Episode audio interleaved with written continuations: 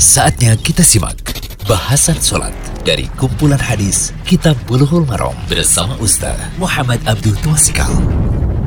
Alhamdulillah, salatu wassalamu ala rasulillah wa ala alihi wa sahbihi wasallam Puji syukur kita panjatkan kepada Allah.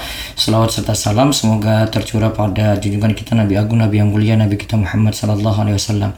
Baik, kita saat ini berada di audio 163 Kita akan melanjutkan bersama sahabat-sahabat sahih Promaisa yang mendengarkan kajian rutin Bulughul Maram kita akan bahas kajian Bulughul Maram karya Imam Ibnu Hajar Al-Asqalani kitab salat, salat tatawu tentang sholat sunnah. Masih seputar sholat malam kita bahas spesifik lagi sholat witir. Apa sih hukum sholat witir? Wajib ataukah sunnah?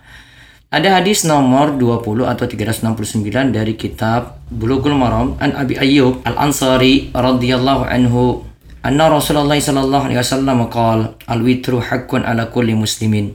Man ahabba ayyutira bi khamsin falyaf'al. Wa man ahabba ayyutira bi salasin falyaf'al. Wa man ahabba ayyutira bi wahidatin falyaf'al. Rawahul arba'atu ila tirmidhi ya wa sahahahu ibnu hibbana wa rajjaha an-nasai waqfahu. Dari Abu Ayyub Al-Ansari radhiyallahu anhu Rasulullah SAW itu bersabda witir itu dianjurkan pada setiap muslim Siapa yang suka melakukan sholat witir dengan lima rokat maka lakukanlah. Siapa yang suka melakukan sholat witir dengan tiga rokat maka lakukanlah. Siapa yang suka melakukan sholat witir dengan satu rokaat maka lakukanlah. Diriwayatkan oleh yang empat kecuali Tirmidzi, Ibnu Hibban mensahihkan hadis ini, Anasai menguatkan hadis ini hanya perkataan sahabat atau kita sebut dengan hadis maukuf. Namun intinya perawi hadis ini terpercaya cuma para ulama bersisi tentang marfu'nya atau maukufnya apakah sampai pada nabi ataukah hanya perkataan sahabat saja.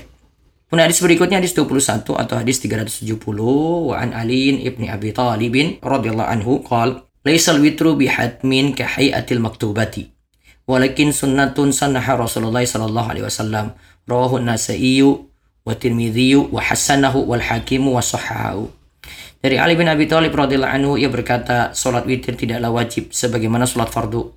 Salat witir itu dianjurkan sebagaimana yang dijalankan oleh Rasulullah Shallallahu alaihi wasallam. Diriwayatkan oleh An-Nasa'i dan Tirmizi. Tirmizi mengasankan hadis ini, Al-Hakim mensahihkan hadis ini. Intinya hadis ini hadis yang asan.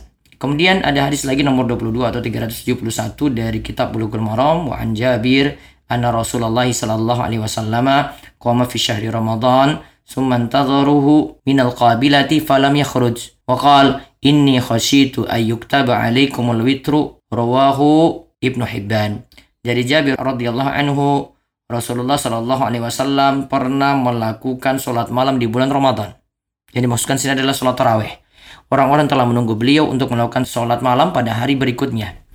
Tetapi beliau Shallallahu alaihi wasallam ya tidak keluar jadi orang-orang telah menunggu beliau untuk melakukan sholat, sholat malam pada malam berikutnya. Tapi beliau Shallallahu Alaihi Wasallam tidak keluar. Lantas Nabi SAW bersabda, Aku hanya khawatir witir itu jadi dihukumi wajib bagi kalian. Hadis ini riwayat Ibnu Hibban, namun sanadnya dhaif karena ada perawi Isa bin Jariyah dan ia perawi yang dhaif. Faedah hadis yang pertama hadis Abu Ayyub menjadi dalil mengenai wajibnya sholat witir, sebagaimana pendapat dari Imam Abu Hanifah. Sedangkan jumhur ulama atau mayoritas ulama menyatakan bahwa sholat witir itu tidak wajib berdasarkan hadis Ali pada hadis nomor 370 dari Bulughul Maram ini, yaitu hadis berikutnya berarti. Terus yang kedua, sholat witir adalah bagian dari sholat sunnah yang dirutinkan yang sangat dianjurkan atau sunnah muakkad hukumnya ya. Dan sholat witir asalnya dilakukan tidak berjamaah kecuali di bulan Ramadan.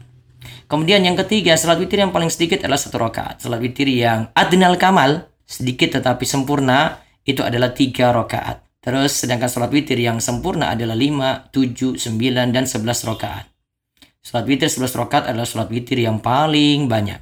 Kemudian yang keempat, sholat witir tidaklah wajib. Inilah pendapat jumhur ulama. Terus yang kelima, sholat sunnah witir itu sunnah muakkad. Ya, sebenarnya tadi disebutkan Rasulullah SAW itu menganjurkannya, mengerjakan, bahkan beliau merutinkannya.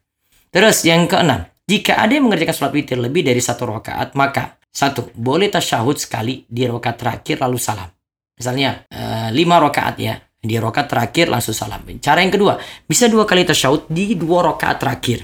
Rokat genap dahulu lalu tasyahud, kemudian mengerjakan satu rokat lagi lalu tasyahud. Jadi di rokat genap tasyahud, lalu kemudian mengerjakan satu rokaat tasyahud. Ya, lalu tasyahud. Misalnya uh, sholatnya 9 rakaat. Berarti di rokat ke-8 itu tasyahud, kemudian di rokaat ke-9 itu tasyahud akhir lalu salam. Jadi tasyahudnya dua kali, salamnya satu kali.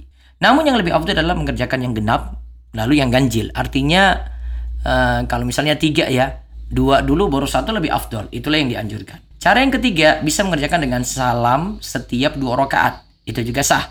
Lalu mengerjakan tiga rakaat terakhir. Berarti tiap dua rakaat salam ya. Uh, misalnya kita pilih 11 rakaat, dua salam, dua salam, dua salam, dua salam terus sampai delapan.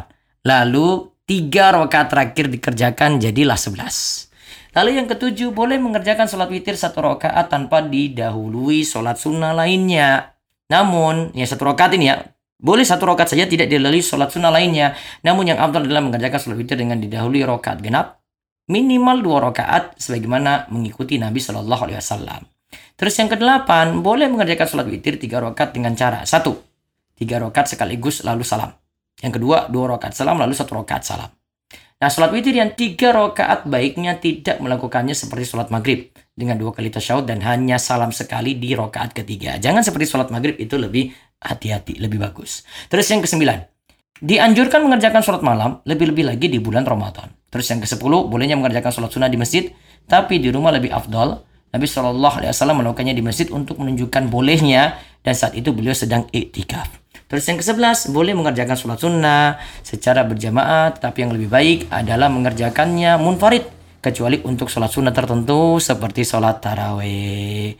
Demikian ini faedah yang kami ambil dari Minha al-Alam, karya Syekh Abdullah Fauzan, dan juga Fikih Bulughil Maram, karya Syekh Profesor Dr. Muhammad Mustafa Azuhaili. Semoga jadi ilmu yang manfaat. Demikian bahasan sholat dari kumpulan hadis Kitab Bulughul Maram bersama Ustaz Muhammad Abdul Tuasikal.